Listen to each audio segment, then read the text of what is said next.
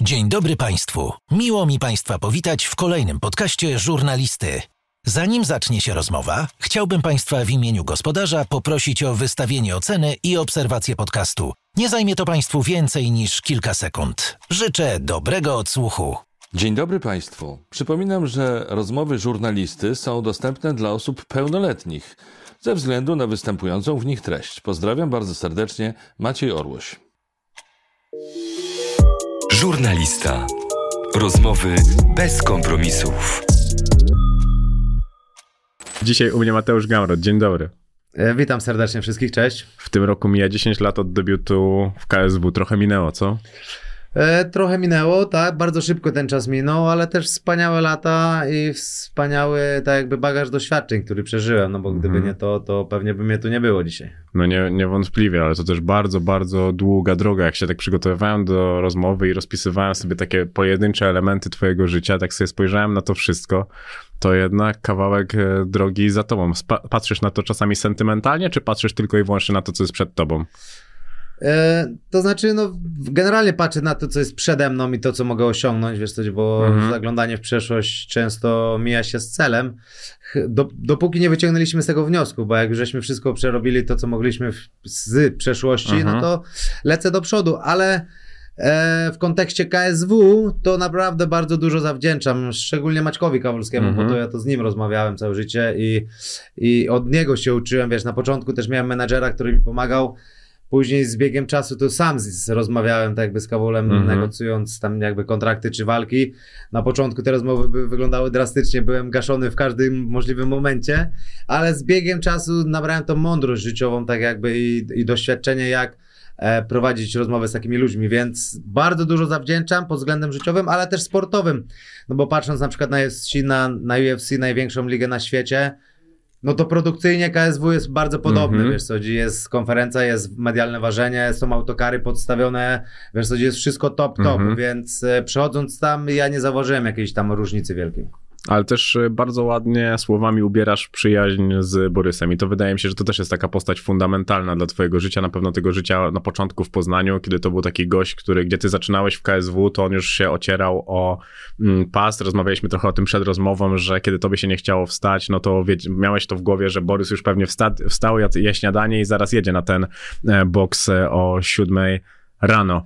Nie no, Borys jest fundamentalną e, osobą w moim życiu, wiesz jak ja przychodziłem do Poznania, byłem zwykłym zapaśnikiem, to on był już może nie turbo, ale był gwiazdą Mhm. generalnie w MMA, miał bardzo wiele walk stoczonych i bardzo wiele czasu, więc generalnie przychodząc do Poznania wiedziałem w jakim kierunku iść, żeby się z nim zaczepić i tak jakby z nim kontynuować e, naszą wspólną dalej drogę.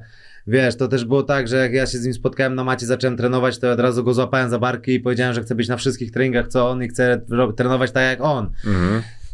Ale jemu też się spodobało, wydaje mi się, moje podejście po prostu, wiesz, ja też miałem skill zapaśniczy, co też starałem się z nim uzupełniać, on miał skill nie we, bardzo duży już we wszystkim, więc on mi tak jakby zaufał od samego początku, on mnie prowadził tą drogą i ja mu bardzo wiele, w sumie najwięcej zawdzięczam w mojej karierze za, e, zawodowej w MMA, więc tak, no nasza Mhm. przyjaźń, e, nasze bardzo dobre relacje koleżeńskie, przyjacielskie trwają do dzisiaj, wiesz co, Mhm. wiele, może, zawsze możemy na siebie liczyć, E, zawsze jesteśmy wsparciem dla ja, dla niego, on dla mnie, więc cenię sobie to bardzo, wiesz, i, i, i mamy ze, przede wszystkim odrębne charaktery, wiesz co, on jest zupełnie inny, ja jestem zupełnie inny i wydaje mi się, że poprzez to się uzupełniamy. A pamiętasz taki moment, kiedy zrozumiałeś, że osiągniesz w tym sporcie więcej od Borysa? Właśnie, kurde, nigdy ja do tego tak nie podchodziłem, że żebym miał osiągnął więcej od Borysa, a jeszcze bardziej No ale zrozumiałeś nie- pewnie w pewnym momencie, że jesteś lepszy. No właśnie to chciałem też powiedzieć, że bardzo mnie też drażniły zawsze jakieś tam spekulacje czy pytania, kto jest lepszy, kto Mhm. lepiej walczy, wiesz, kto lepiej coś robi, bo jest, jeżeli jesteś z gościem całe życie na macie, wiesz co, dzie- dzie- dzielisz z nim to matę 4-5 godzin dziennie przez x lat, razem się rozwijacie, razem pokazujecie sobie najlepsze numery, no to nie podchodzimy do tego, kto jest lepszy, bo Mhm. nigdy nie będziemy rywalizować ze sobą na, na zawodach, a od zawsze się mówi, że trening to coś innego, zawody to coś innego, wiesz co, więc ja nawet nie patrzę na to, bo Jednego dnia ja mogę być lepszy Mhm. od niego, drugiego dnia on będzie lepszy ode mnie, trzeciego dnia on będzie miał lepszą stójkę, a czwartego dnia ja będę miał lepszą stójkę, więc to wszystko moglibyśmy zweryfikować walcząc na zawodach, osobno się przygotowując, a to się nigdy nie wydarzy. Więc e, nigdy tak do tego nie podchodziłem, że mogę więcej od niego osiągnąć. Wiesz, stary, jak ja trenowałem parę lat, on się bił z Mamedem na, narod, na stadionie narodowym w, parę lat temu, wiesz, to już Mhm. był sukces ogromny, nie, nie do powtórzenia praktycznie, wiesz. No ale ty też się biłeś wtedy na tym stadionie Tak, ja narodowym się z Normanem. Normanem Parker, ale bardziej mi chodzi tak jakby o, o skalę tego wszystkiego. Mhm. Ja tam byłem na drugiej czy trzeciej walce, on był w walce wieczoru na Stadionie Narodowym z Mamedem, co Mamed był niesamowitą legendą i z inspiracją sportu walki, wiesz, chodzi w Polsce, więc, więc, e, więc tak, nie? W tą, w tą stronę bardziej. No nie spodziewałem się, że będziesz tutaj to porównywał, także nie, nie zaskoczyłeś mnie, bo też mi się tak wydawało, że to jest tak też blisko obok siebie, że jednak nie do zestawienia w kategorii Excela i rankingów, tylko po prostu to jest taki prawdziwy uścisk dłoni, a nie stawianie po przeciwnych stronach e, barykady. A to jest taka prawdziwa przyjaźń e, męsko-męska, taka przyjaźń w twoim wykonaniu też ma słabsze momenty, jednak ty jesteś gościem raczej knombrnym. Powiedziałeś, że Borys jest zupełnie innym gościem. Zdarzało wam się kłócić? E, O, już wiem, że tak. Właśnie wiesz co, szcze- no mo- może kłócić nie, ale bardziej gdzieś tam wymiana różnych spostrzeżeń na, na, na jakieś tematy, ale to wiesz, to nie była kłótnia taka, żeśmy się pokłócili Mhm. i dwa dni, żeśmy się nie odzywali do siebie, wiesz co, tak, e, z czegoś takiego to nie spotkałem, wiesz, bo to też musimy tak jakby rozgraniczyć trochę, bo ja z Borysem spędzam bardzo wiele czasu na macie, razem trenujemy, Mhm. po, po, w tym czasie też wymieniamy wiele informacji życiowych, spostrzeżeń, ale poza matą aż tak dużo czasu nie spędzamy ze sobą, Mhm. co, bo on ma swoją rodzinę, ja mam swoją rodzinę, a gdybyśmy mieli jeszcze spędzać czas poza matą, to stary byśmy się całymi dniami widywali. No właśnie. co, to by było tak, że wtedy by mielibyśmy ten przesyt, wtedy byśmy, wiesz, mogli dojść do Mhm. zgrzytów jakichś. Ale w momencie, kiedy widzisz się z gościem na macie, robisz typowo pracę na macie, to co mamy do wykonania, a ewentualnie po tym rozmawiamy o sprawach życiowych, to są, jest, jest taki pułap e, momentalny, że, że, że nie ma tych takich właśnie nie, niedomówień, jakichś Mhm. zgrzytów, cze, czegoś takiego. Ale oczywiście, wiesz, ja mam swoje zdanie i on ma swoje zdanie, wiesz, mówimy to sobie, ale nie tak, że się kłócimy, wiesz, że, że trzy dni jak baba się nie odzywasz, wiesz. Mhm. Masz dużą umiejętność mówienia pięknie o ważnych dla ciebie osobach. Chodzi mi nawet o twoją mamę, jak e, mówiłeś, że zawsze stawiała każdej, czoło każdej trudności związanej z wychowaniem ciebie, że jeździła z twoim dziadkiem, ekipą, rodziną i bardzo mocno ci kibicowała. Pamiętasz pierwszy raz, kiedy mama powiedziała, że jest z ciebie dumna? W odniesieniu już do sportu. Eee, wiesz co, pewnie powiedziałem już kiedyś w zapasach, jak byłem mały, Mhm. wiesz, jechałem na Mistrzostwa Polski i wygrywałem. Eee, tak dokładnie to ci nie wiesz, nie, nie przytoczę tutaj dnia. Ale czy jest, ale nie, no, ale czy jest coś takiego, co się wyróżnia z twoich wspomnień? Wiadomo, że tu nie jest pytanie o to, żebyś mi chronologicznie wymienił, E, kiedy to było. Znaczy, no wiesz, no.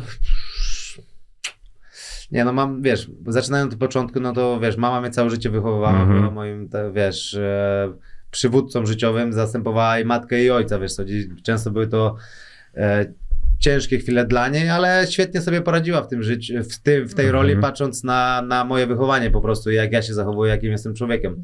Więc to wszystko jest jej zasługa, wiesz, ja od dziecka też uprawiałem sport, trenowałem, były to zapasy, od dziecka jeździłem właśnie na, na obozy sportowe, Dlatego wiesz, to pytanie wcześniej, jak wspominam dzieciństwo, to każde wakacje, ferie byłem na obozie, wiesz, Mhm. nie, nie bawiłem się z kolegami na e, gdzieś tam na, na, na podwórku placu zabaw, czy gdzieś na wyjazdach, tylko typowo był, było, było już e, rąbanie w jednym kierunku, czyli sport. Partnerem żurnalisty jest Engokars.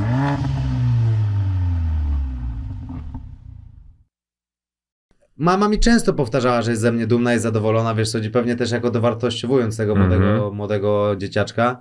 E, więc tak, wiesz, no a teraz no praktycznie po każdej mojej, wiesz, wygranej walce, czy tam jakimś większym, mniejszym sukcesie, to, to zawsze stara się mnie, wiesz, też dopingować. Mhm. A masz dużo zdjęć z tamtego okresu życia, kiedy dorastałeś?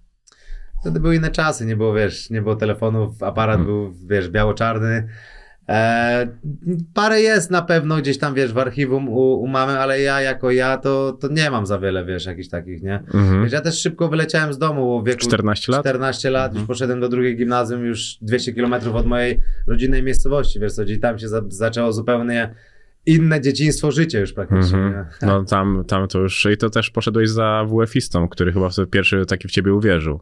Znaczy wtedy to było też tak, że właśnie to były właśnie te malutkie takie zawody, gdzie żeśmy jeździli regionalnie, wiesz, po Dolnym Śląsku i, i, te, i trener z Milicza też jeździł z ekipą swoją i on już tam dostrzegł potencjał we mnie Mhm. po prostu i zaproponował mojej mamie, że może mnie przygarnąć do internatu, mogę tam u nich trenować, wiesz, w klubie i, i mieć jakieś tam możliwość rozwoju, wiesz, i to też właśnie pa- padła decyzja tutaj dziadka e, z moją mamą, że oni Mhm. wspólnie, wiesz, zebrali tą informację, dzięki Bogu puścili mnie, e, w ten właśnie świat, bo gdyby nie to nie wiadomo jakby było, wiesz co, nie wiadomo czy bym gdzieś w Czechach nie pracował w fabryce albo gdzieś w Polsce w jakiejś firmie i, i nie byłbym sportowcem, bo wtedy już zupełnie inaczej mogło być życie moje ukierunkowane, a, a jednak gdzieś ten los czuwał nade mną, że muszę iść Mhm. w stronę sportu, nie? No zdecydowanie akurat tam było dużo, dużo takich ciekawych powrotów. Do tego nawet jak z Wrocławia wracałeś, to koniec końców na wakacje jeszcze pojechałeś i pracowałeś chyba z tego co pamiętam e, w budowlance e, jakiejś, ale to e, o tym później. W twoim życiu był właśnie również dziadek, o którym powiedziałeś.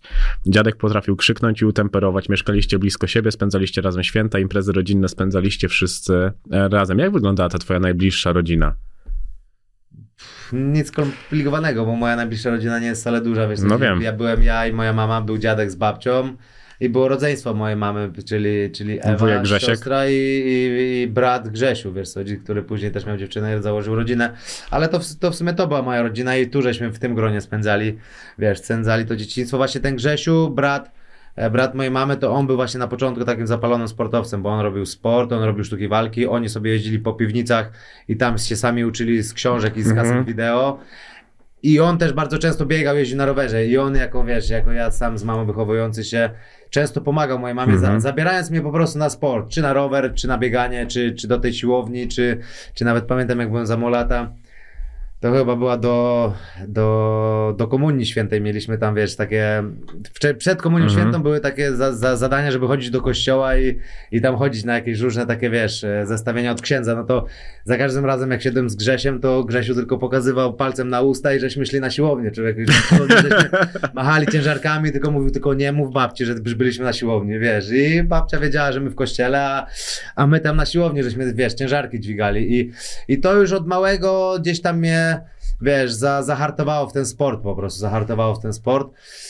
Eee, Bo ja No, szukałem wiesz. tego trochę, bo zastanawiało mnie właśnie skąd ten sport, byłeś wychowywany tak naprawdę przez mamę, no to tak zastanawiałem się, bo mama była, mama była pielęgniarką, no to zakładałem, że nie wiem, nie uprawiała sportu tak Nie, na no tyle, żeby cię ten- zarazić. Wiesz, znaczy to też było tak, że takie były stare czasy, wiesz, że się nie, nie siedziało w domu na komputerze Mhm. przedtem, tylko po szkole, czy tam po tej podstawówce, jak wracałeś, rzucałeś tornister i od razu było, wiesz, jeszcze zupy nie zjadłeś w domu, a już byłeś na dworze i wiesz, z chłopakami w piłkę, z chłopakami do lasu, z chłopakami włócznie i ten.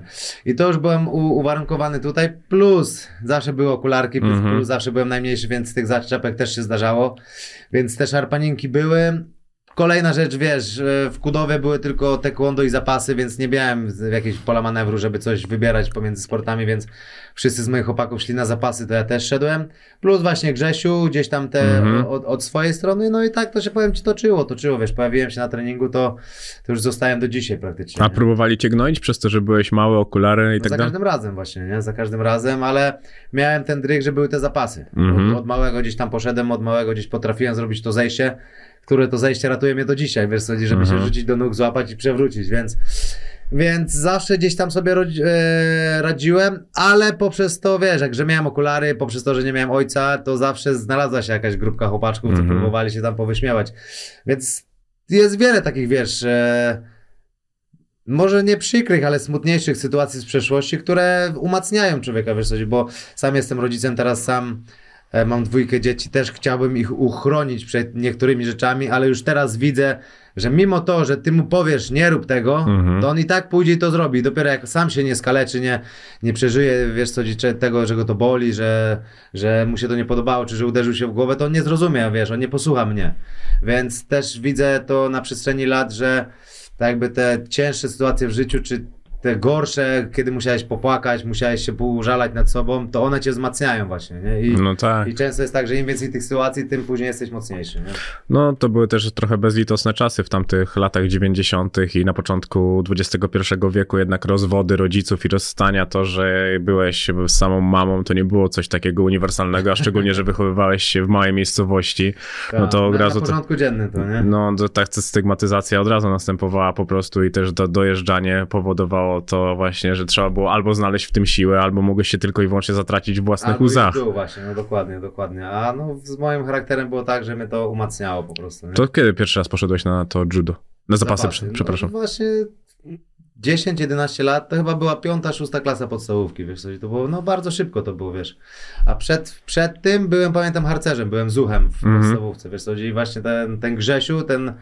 E, Ważny człowiek w twoim życiu tak Brat naprawdę. mojej mamy to był, e, był, e, był drużynowym w tym harcerstwie, Mhm. wiesz co, i, i, i to harcerstwo tak jakby dawało mi zajęcia, ale też to jakby samodyscyplinę z tym wszystkim, bo na przykład o, pamiętam wyjazdy do lasu, spanie pod namiotem, wiesz co, gdzieś jakieś ogniska, jakieś różne e, podchody, jakieś różne właśnie takie zadania, wiesz, czy wyszyć coś, czy, czy, czy pójść coś znaleźć, czy zrobić jakieś Mhm. zadanie takie ratownicze, to, to od samego początku gdzieś tam się, się to układało. No i też ta twoja bliskość z dziadkami jest e, jasno uwarunkowana, bo kiedy twoja mama wyjeżdżała za granicę do pracy, no to ty byłeś z e, No to swoimi... dziadki mnie wychowywali, tam dziadki No. mnie wychowywali, więc, więc ten temperament dziadka został od małego gdzieś przekazywany, wiesz co, chodzi, a, a, a jak ja jestem szalony, znaczy jak ja jestem czasem szalony, wiesz co, No. a, jak, a jak gdzieś tam więcej alkoholu się, alkoholu się poleje, to tym bardziej to się u, uwydatnia. Za tamtych czasach też pamiętam parę, parę momentów, kiedy dziadek wrócił delikatnie, wiesz... E, Wcięty? Wcięty, no to też widziałem, jak się zachowywał po prostu, więc, więc to wszystko gdzieś tam, e, gdzieś tam wszystko widnieje we mnie, nie? No, słyszałem, że dziadek jest wybuchowy, ale babcię kocha ponad życie. No tak, no babcie kocha życie ponad życie stare, no nie wiem ile, nie, ch- nie chcę skłamać, no ale z 60 lat są razem, wiesz co, to jest też taki wspaniały dowód miłości i pokazania, że, że jak cię kogoś naprawdę kocha, no to jest się z nim bezwarunkowo przez całe, przez całe życie. I, i do tej pory, wiesz co, no co babcia nie powie, to dziadek ją sadza i ją wozi wszędzie, wiesz, no jest wychwalana, jest wstawiana na piedestał za, za każdym razem, więc to mi się podoba i, i cieszę się, że mam taki przykład do, do, i wzór do, do naśladowania. Dla mnie to też było jest interesujące, że babcia Władzia to taka arystokratka zawsze uśmiechnięta, pozytywna i że jest zupełnie różna od twojej mamy i od twojego dziadka, że to jest kompletnie inny typ człowieka. No tak, no tak, no tak, no ale właśnie widzisz, przeciwieństwa się przyciągają praktycznie. No moja mama ma typowy charakter mojego dziadka, wiesz co, dziś zajadła, do, pracowita bardzo, wiesz, z mocnym charakterem, nie ustupująca ani na krok, wiesz co, a babcia jak babcia po prostu, wiesz, uśmiechnięta, machnie ręką, dobrze Mateuszku, nie przejmuj się, nie? A jak już, Jakoś to będzie. a jak już zacząłeś chodzić na te e, zapasy i zobaczyłeś, że zaczynasz być silniejszy, to odreagowywałeś te wszystkie momenty w takim znaczeniu, że kiedyś oni mogli na ciebie patrzeć spod byka i chcąc, chcąc ciebie dojeżdżać, a potem ty odreagowywałeś, jak zobaczyłeś, że jesteś silny? Nie, nie, nie, nie, bo to. E, bo prawda też jest taka, że wiesz, ja trenowałem te zapasy, ale ja też nie byłem wybitnym zapaśnikiem. Mhm. Wiesz, ja byłem mocno, mocno przeciętnym, wydaje mi się, że bo czasem było tak, że jechałem na zawody i wygrywałem, a czasem było tak, że jechałem na inny turniej i przegrywałem w pierwszej walce. Wiesz, czy ja po prostu byłem zajawkowiczem tego, bo miałem od samego początku była wielką miłość do tego sportu. Ale musiałem być też pracusiem, musiałem też mocno przepracować niektóre rzeczy, więc, więc e, nie, nie było nigdy czegoś takiego, że mówię, dobra, teraz mam zapasy, idę się wyżyć na, na tych wszystkich innych opagach albo zrobić odwet. Mhm. Bardziej gdzieś to zostawiałem w niepamięć i, i, i tak jakby przekuwałem tak jakby większą siłę i pewność siebie na przyszłość. A kim byłeś w szkole? Jak tak sobie spojrzysz na klasę, no to zazwyczaj masz gwiazdy szkolne i takie zestawienia po prostu e, ludzi. To jakim byłeś dzieciakiem w szkole? Eee, no zachowanie było naganne zawsze, nie? Mhm. oceny, oceny też nie były za wysokie. E, ale no nie wiem, wiesz co, no wydaje mi się, ja byłem zawsze usportowiony, wiesz, zawsze miałem grupkę sp- sportowców wokół Mhm. siebie i, i w tym kierunku szedłem, wiesz, no ciężko jest mi też wspominać, bo jak byłem w gimnazjum, e, to przyszedłem do, mili- wiesz, byłem w pierwszej gimnazjum w Kudowie, no to było rozeznanie takie, wiesz, pierwsza klasa, no to Mhm. zawsze nigdy nie wiesz jak to zrobić. Do drugiej klasy znowu poszedłem do nowego gimnazjum, czyli No tak. znowu rok rozeznania takiego. Trzecia klasa to już był, to już był trze, trzecia, no to był pierwszy rok juniora z kolei, no to już w, w juniorach, wiesz, już mnie interesowały wyniki sportowe, więc już wtedy bardziej kładłem nacisk na sport. Mhm.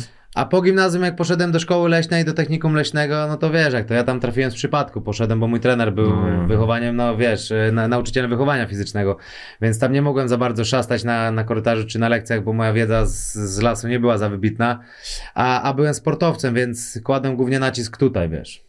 A kiedy najbardziej brakowało ci ojca? Bo często mówisz o tym, że wychowywałeś się sam, więc wydaje mi się, że musiały być też takie fragmenty tego, że mogło ci go brakować. E, Wiesz co, ostatnio nawet gadałem o tym z Agatą. Wcześniej w ogóle mi go tak wydawało mi się, Mhm. że mi go nie brakuje, wiesz, nie potrzebowałem, bo zawsze bym, albo miałem się mamy, albo był dziadek. Ale teraz, im jestem starszy, tym bardziej tak jakby zauważam niektóre momenty, że fajnie jakby był, bo by Mhm. miał inne spostrzeżenie na niektóre rzeczy, wiesz co, im, im jesteś starszy, tym inaczej rozkminiasz niektóre rzeczy. On by był, jakby był całe życie Mhm. ze mną, no to by, wiesz, byłby właśnie takim nie że oparciem, ale gościem, który mnie zna całe życie po prostu. Wiedział, jak byłem w takim etapie, w takim i w późniejszym, więc mógłby mi bardziej, mógłby mi bardziej racjonalnie podpowiedzieć. Wiesz co, Dzi, Mhm. więc, e, więc w takich momentach tutaj, ale to bardziej takich e,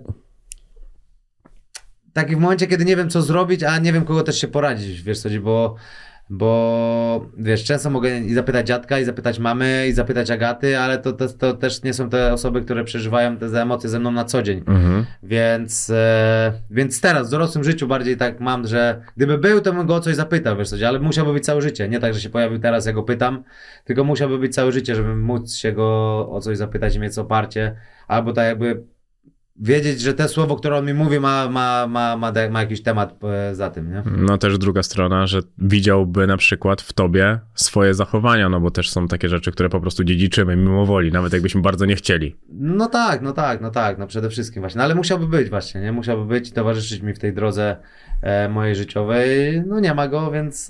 I dzisiaj nie ma już wejścia do twojego życia. No i kłopot z głowy, tak jakby, nie? Znaczy kłopot, no rozkminka z głowy, nie?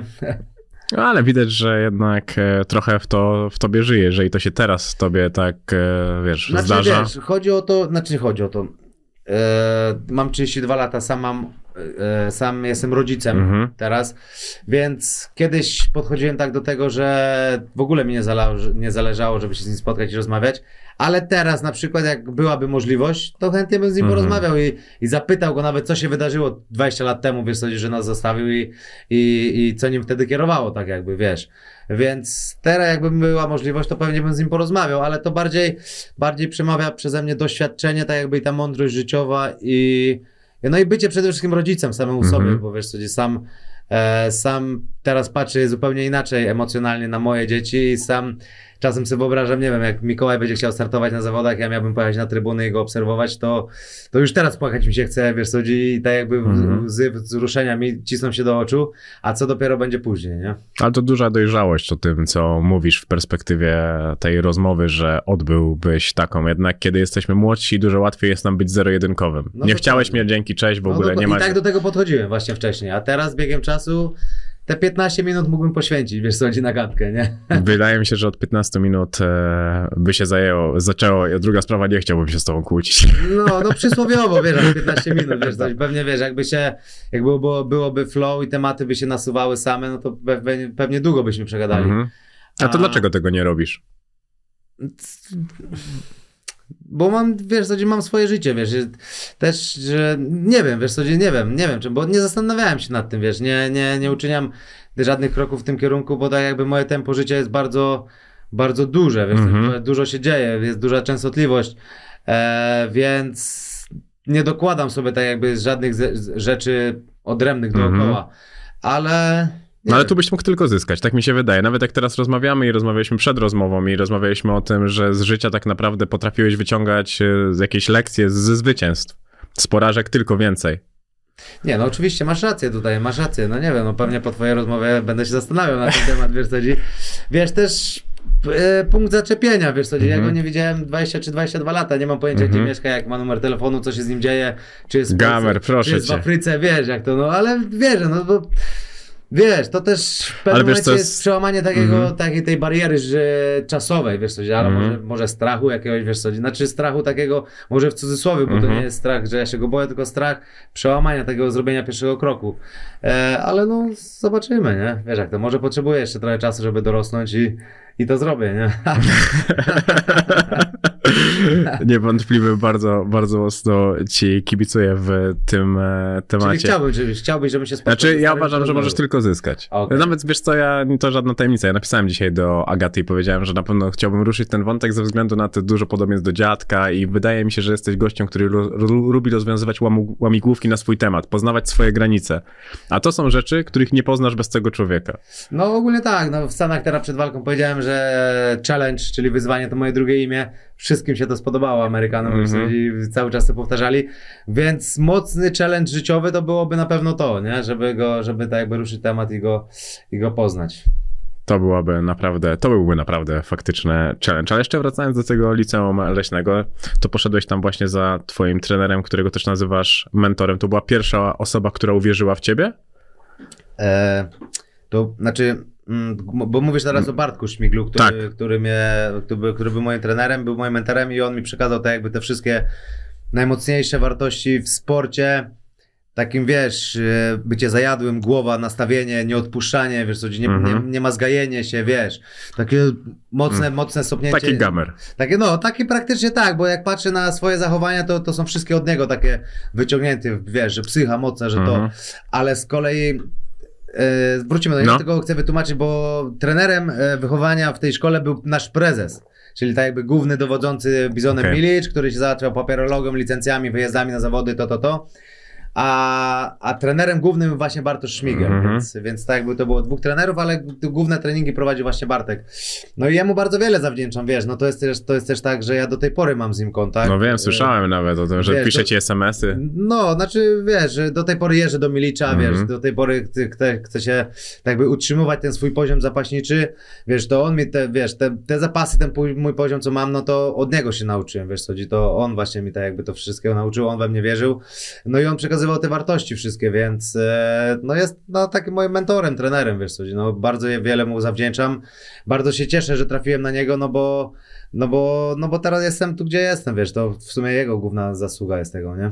I twoja. E, Tutaj tego nie ma co gadać. A jak wyjechałeś tam 200 kilometrów od domu, to łatwo było, być, łatwo było ci się odnaleźć? Nie tęskniłeś za mamą, za Co ty, Po dziadkami? miesiącu czasu człowieku ja dzwonię z płaczem i mówię, ja wracam, mówię, żadną Mhm. techniką, żaden milicz. Wracam do swoich kolegów z Kudowy, wiesz co, gdzie idę z nimi do liceum, tam gdzie oni, wiesz.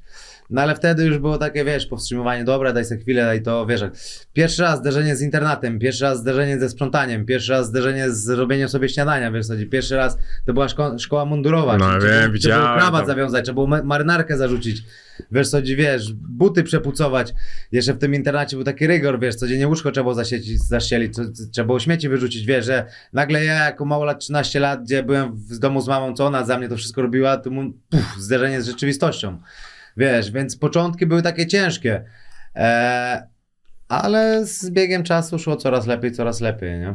No nawet twardziele mają łzy jednak, nie? Jak tak się wyprowadzi, to jest dziecko. Tak w rzeczywistości, No tak. niezależnie jak twarde, nadal dziecko. Wiesz, no twardziele, no dojrzali mężczyźni teraz płaczą. Ja uważam, że e, płacz to żaden wstyd, wiesz co, bo to jest tak jakby wyrzucenie z siebie tych złych emocji, czy z tych frustracji, to Mhm. co cię boli i siedzi. Dobrze jest czasem popłakać i pokrzyczeć nawet w osobności, wiesz co, bo to wyrzuca z siebie te złe, złe emocje i robisz sobie tak jakby samooczyszczenie i od tego może być tylko lepiej. Gorzej jest to wszystko tłamsić sobie i, i wtedy w pewnym momencie dochodzi depresja, wybuchy, jakieś nieporadzenie sobie z sytuacją i wiesz, ja bardzo często tak jakby to praktykuję, wiesz, jak jestem zdenerwowany, tak jak pytałeś wcześniej, Mhm. wiesz, krzyczę, niszczę coś, ale też potrafię pójść do lasu, wykrzyczeć się jest mi lepiej wtedy, wiesz co, i nagle inne myśli dochodzą, nagle oczyszczasz sobie i, i, i umysł, i, i ciało całe, wiesz, więc wiadomo, w, pub, w, w publiczności wśród dużo ludzi nie ma co tego Mhm. robić, nie, ale jak jesteś sam ze sobą, weź sobie spróbuj z lustrem, sam ze sobą w lustrze, spojrzeć w lustro i porozmawiać z sobą, spojrzeć sobie głęboko w oczy, powiedzieć sobie słowa prawdy, wiesz, Mhm. co, to jest ciężkie, wiesz, jak parę razy kiedyś mi ktoś coś powiedział, a idź z lustrem porozmawiaj sam ze sobą, ja mówię, co ty, łatwizna, ale nagle stajesz, patrzysz 5 sekund w oczy i weź głośno powiedz, żebyś usłyszał i wypowiedział, to, to nagle wiesz, jak to stres, nagle to, nagle niepewność i wiesz, prze, przełamywanie takich barier według siebie, to, w, swoim. Mhm. nie? No ale ty jesteś też gościem, który bierze wszystko naprawdę jako challenge i jeżeli chcesz to, masz to zrobić, to chcesz to zrobić dobrze, bo wydaje mi się, że celem jest to, nie, znaczy sukcesem tego wszystkiego jest to, jak do tego podchodzisz, nie? No bo gdyby ktoś podszedł i wiesz, potraktował to tak, och, to zrobię sobie z, lekceważąco, no to to jest zupełnie inne podejście niż kiedy wtedy chcesz to zrobić e, rzeczywiście. Na maturę w technikum dostałeś od babci szczęśliwe czerwone majtki, dalej je masz? Wiadomo, z, dwoma? Dziura, z dwoma dziurami człowieku już w kroku, ale na każdych zawodach z nich startuję. Nie? Cały czas. Cały czas, cały czas. Nawet, nawet jak przegrałem, niby wiesz, że wiesz, już nie, nie ciągnę tego pasma zwycięstw, to cały czas są te majtki, wiesz. I, i, i to bez kitu, kurwa wierzę w nie, wiesz co chodzi? Dostałem je na maturę, zdałem ją doskonale, wiesz co chodzi, ponad 50% wszystko, poszedłem później na egzamin zawodowy z leśnictwa, co ni w ząb, nic, człowieku 97%, wiadomo, że tam odpisałem od kolegi, No. ale, no ale przeszło, wiesz co chodzi, No. polosowałem dobry stolik. No i później zaczęło się tak, że przez, do momentu pierwszej tej ala dyskusyjnej przegranej z Guramem, Mhm. nie, czyli debiutu No, do no ja wszystko wygrywałem, czyli zawody jiu-jitsu, zawody mniejsze, większe, zawody MMA amatorskie, zawodowe. I ja byłem przekonany, że jak zakładam te majtki, to na pewno wygram. Wiesz co, to tak jak czytałem doskonałą książkę e, Kopalnia Talentów, gdzie Mhm. gość jeździł po świecie, po najlepszych, e, po najlepszych klubach na świecie i chciał się, chciał odkryć co jest tajemnicą sukcesu tych danych sportowców? Mhm. Jeździł do Brazylii, chciał odkryć, co jest sukcesem piłkarzy w Brazylii. Jeździł do Kenijczyków, do Etiopii, Mhm. co jest sukcesem tych długodystansowych biegaczy, że, że, że oni ciągle wygrywają. I a propos tych majtek i wiary, to tam było coś takiego, że wiadomo, bieda, oni biegali Mhm. całe życie, bieganie, bieganie to był ich jedyny sposób na rozwój albo wyjście z patologii, albo z ciężkich, z ciężkich czasów. Ale tam też było brak dostępu do, do telewizji ogólnych informacji, że tylko radio przekazywało Mhm. takie najprostsze informacje. A radio przekazywało, że jaki Eti- e, Kenijczyk nie pojechał na zawody, Igrzyska Olimpijskie czy Mistrzostwa Świata, to zawsze wygrywał. Zawsze wygrywał, zawsze wygrywał. Mhm. I ci Etiopczycy, Etiopczycy, no ci Ludzie z Etiopii. ludzie z Etiopii, tak, e, byli przekonani, że jak tylko dostaną się na Mistrzostwa Świata, czy na Mistrzostwa Euro, czy na Igrzyska Mhm. Olimpijskie, to oni to wygrają. Bo każdy z tych gości to wygrywał. Mhm. I w ich w Unii w głowie tylko siedział, tylko do, wydostań się z kraju, pojedź tam. I, i to była ta, jakby ta, ta psycha w głowie. I ja na, na tym samym miałem to, że jak zakładałem czerwone majtki, do pewnego Mhm. momentu ja byłem przekonany, że wygrywam zawody. No i tak to wszystko wyglądało, nie? Czyli widzisz. A nie myślałeś, żeby zacerować już jednak te dwie dziury? A to E, babcia są- chyba tylko by Są jeszcze tak małe, że nie przeszkadzają, wiesz co, O, noga okej. jeszcze nie, prze, nie przechodzi przez nie, ale, ale, ale zrobię to, wiesz co, zrobię to i po, nawet ostatnio się śmiałem, że będę chciał je trzymać do, jak tylko będzie to możliwe, możliwe długo. Po liceum e, i po maturze wróciłeś e, do siebie i tam przez trzy miesiące pracowałeś e, na budowie. To były typowe prace ziemne przy chodnikach, wykopkach i tak dalej, i tak dalej. No i potem, potem był ten Wrocław, tak? To był ten etap? Znaczy nie, no to było bezpośrednio tak jakby, że było kończenie, skończenie szkoły w Miliczu, Mhm. koniec perspektyw zapaśniczych tak jakby, bo musiałem, wiesz, wy, odejść z internatu. No to powrót do kudowy, praca na budowę, no bo trzeba było, wiesz, jakieś pomóc mamie trochę odciążyć, Mhm. ale też zarobić jakieś własne pieniądze, wiesz, to było też 18 lat, no to już wiesz, każdy, każdemu się wydawało, Mhm. że jest dorosły i sam na siebie będzie pracował. Eee, no i pogoń za, tak jakby wtedy typowo poszedłem za kolegami, w sumie pierwszy i ostatni raz w życiu, kiedy tak jakby decyzja kolegów miała na mnie wpływ po prostu, wiesz co, wszyscy szli do Wrocławia na studia, więc Mhm. ja też poszedłem za nimi, bo wydawało się, że będzie wspaniale. Poszedłem na te studia i nawet do pierwszej sesji nie dotrzymałem, wiesz co, No, o po, dwóch, po dwóch miesiącach zakończyła się moja kariera. E, ale dalej się bujałem w tym Wrocławiu, gdzieś tam trenowałem w panczerze, już wtedy za, zacząłem pierwszą stójkę robić, gdzieś tam pierwsza kombinatoryka na mieście, zarabianie innych pieniędzy. No ale wiesz, jak to nic mi nie Mhm. dawało satysfakcji, też była ta, ta przygoda z dziewczyną, wiesz co, No. zakochałem się, pierwsza miłość, kurwa, ona mówi koniec ze sportem, ja mówię oczywiście kochanie, no to do roboty, trzy zmiany, ale wspaniale jest w fabryce, wiesz, nie? Trzy tygodnie i do domu. No bo były trzy tygodnie, trzy zmiany, wiesz co, przepracowałem cały tydzień na rano, na cały tydzień na popołudnie, cały tydzień na, na nocki i powiedziałem, cześć jak czapka, już tu nie wracam nigdy, nie? I skończyła się praca w fabryce i wtedy się skończyła też miłość, e, miłość z tą dziewczyną i po tym roku we Wrocławiu znowu wróciłem do, do Kudowy, wtedy znowu poszedłem do, do pracy fizycznej, tylko tym razem na, na, na dachy, byłem Mhm. dekarzem. Popracowałem trzy miesiące, człowieku, po dwóch miesiącach zimny prysznic, otrzepanie głowy, co ty robisz, człowieku, nie? I stara miłość do zapasów, to mówię, kierunek Poznań, wtedy był aktualnie najlepszy klub w Poznaniu, Grunwald Poznań, Mhm. mówię, dobra, wracam do zapasów, mówię, jak nie Igrzyska Olimpijskie, to wtedy moją nadzieją była Liga Niemiecka, Mhm. bo ona się odbywała od września do, do, do końca grudnia, wiesz, mecze były co tydzień, wiesz, i na przykład zawodnicy zarabiali po 400-500 euro za jedną walkę zapaśniczą. To ja mówię, człowieku, to jak ja tyle będę zarabiał, to na cały rok, kurwa, odłożę, Mhm. nie? Wiesz. E, I to była ta wizja, co mnie przyświecała przyjazdu do Poznania. No i tak jak przyjechałem, tak, tak, Tak, zostałem do tej pory. Ta nie? historia pisze się do dzisiaj. No jeszcze we Wrocławiu tak naprawdę rozkwitła twoja miłość z Agatą, bo tam się tak w rzeczywistości zakochaliście w sobie, bo wiem, że się poznaliście, kiedy ona przyjeżdżała do twojej rodzinnej miejscowości na wakacje, ale tak finalnie to chyba we Wrocławiu było. Znaczy, e, poznaliśmy się wtedy, to przyjeżdżała do Kudowy, to jeszcze były lata, gdzie właśnie te gimnazjum, ale technikum. Mhm. Później nie mieliśmy kom- kompletnie czasu i tak jak dzisiaj powiedziałeś, że mija 10 lat od rocznicy w KSW, to po pierwszej walce w KSW, czyli w 2013 roku, spotkaliśmy się we Wrocławiu. Ona miała urodziny, ja napisałem życzenia, ona mi odpisała, ja powiedziałem, że będę za tydzień, no to wspaniale. I do tej pory się bujamy ze sobą, wiesz, nie? A No. słyszałem, że były ciężary. Ale w związku czy w spotkaniu się? nie, w związku. Nie, no wiadomo, wiesz, jak to z górki pod górkę, w każdym związku, nie? E, ale gdzieś tam, wiesz, co jakiś czas był nowy impuls, nowe, nowa jakaś rzecz, wiesz, że co chwilę nas to ratowało przy życiu po prostu, wiesz, Mhm. że, że tak jakby ta uwaga przez cały czas nie była skupiona na nas, tylko wiesz, byliśmy parę lat razem, gdzieś tam wzięliśmy sobie pieska, ta uwaga się rozchodziła, później znowu byliśmy razem, znaczy, że Mhm. cały czas byliśmy razem, później urodziło się pierwsze dziecko, wiesz, znowu skup- to skupienie się rozeszło, później kolejne się urodziło, wiesz, i tak fajnie, sukcesywnie to się wszystko rozkładało, bo, bo nie wiadomo, wiesz, jakbyśmy byli 10 lat razem, a nie mieli innych tak jakby skupisk e, uwagi Mhm. swojej, wiesz, tylko wiecznie na sobie, wiecznie na sobie, no to różnie mogłoby być, wiesz. No potrzeba impulsów, tak jak w Potrzeba sporcie. impulsu, właśnie zmiany miejsca, zmiany tego, dołożenia czegoś, wiesz, do życia, wspólnych zainteresowań, ale też wsparcia, zrozumienia siebie, wiesz, no bo Agatka niewątpliwie rozumie mnie w 100%, wiesz, co dziwi, Mhm. wydaje czasem jej, jak sobie roz, rozmawiamy, to wydaje mi się, że pasujemy do siebie jak puzzle, wiesz, co dziwi, Mhm. uzupełniamy się idealnie, wiesz, i w życiu prywatnym, i w życiu codziennym, i, i, w, i w życiu sportowym, wiesz, co dziwi, więc, więc idealnie, żeśmy trafili na siebie. Mi się podobało, jak rozmawiałem dzisiaj z Agatą i ona do mnie mówi, że wiesz, teraz przed walką dostałem od niego takiego SMS-a, że niedługo się widzimy i tak dalej. I mówię, kurwa, chyba się rozmiękczył. Kurwa, wiesz, jak to całe życie byłem hamem, więc nagle staram się, wiesz, zmienić w romantyka, nie? Na stare lata. Na stare lata mnie tam bierze, wiesz, sądzi, ale, ale no tak, nie, no wiesz, jak to zawsze mi zarzucała, że nigdy nic nie robię, to chociaż, chociaż coś teraz, nie? W, za- w zalążkach staram się jakoś to, wiesz, nie? A, spo, a wracając do Poznania, bo tam dwa lata studiowałeś ratownictwo medyczne. E, najpierw stacjonarnie, a później zaocznie. To był twój pomysł?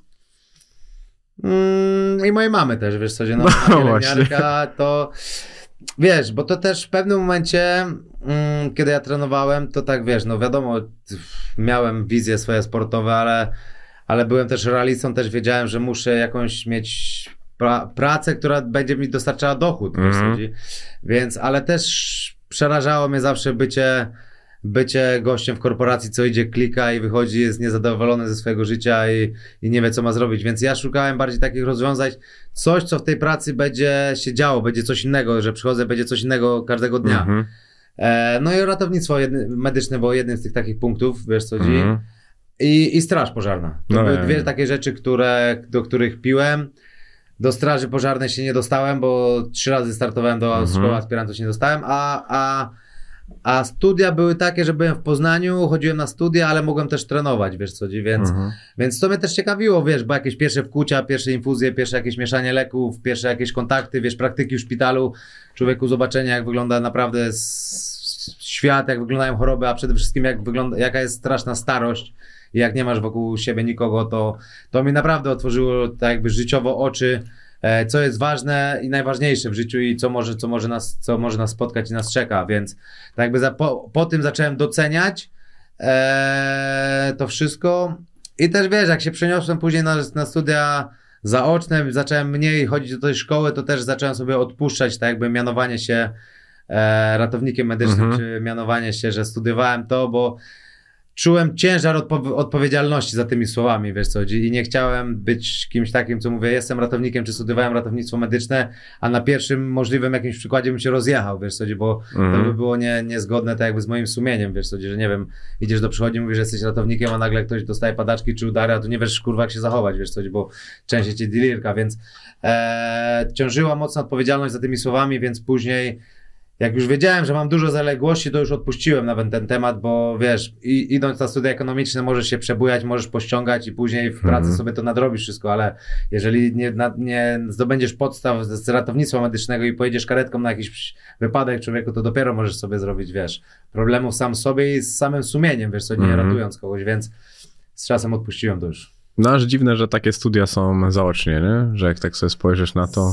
Wiesz, jak studia, chodzi o papierek, wiesz, co dziś, wiesz. No ale to jest trochę niebezpieczne.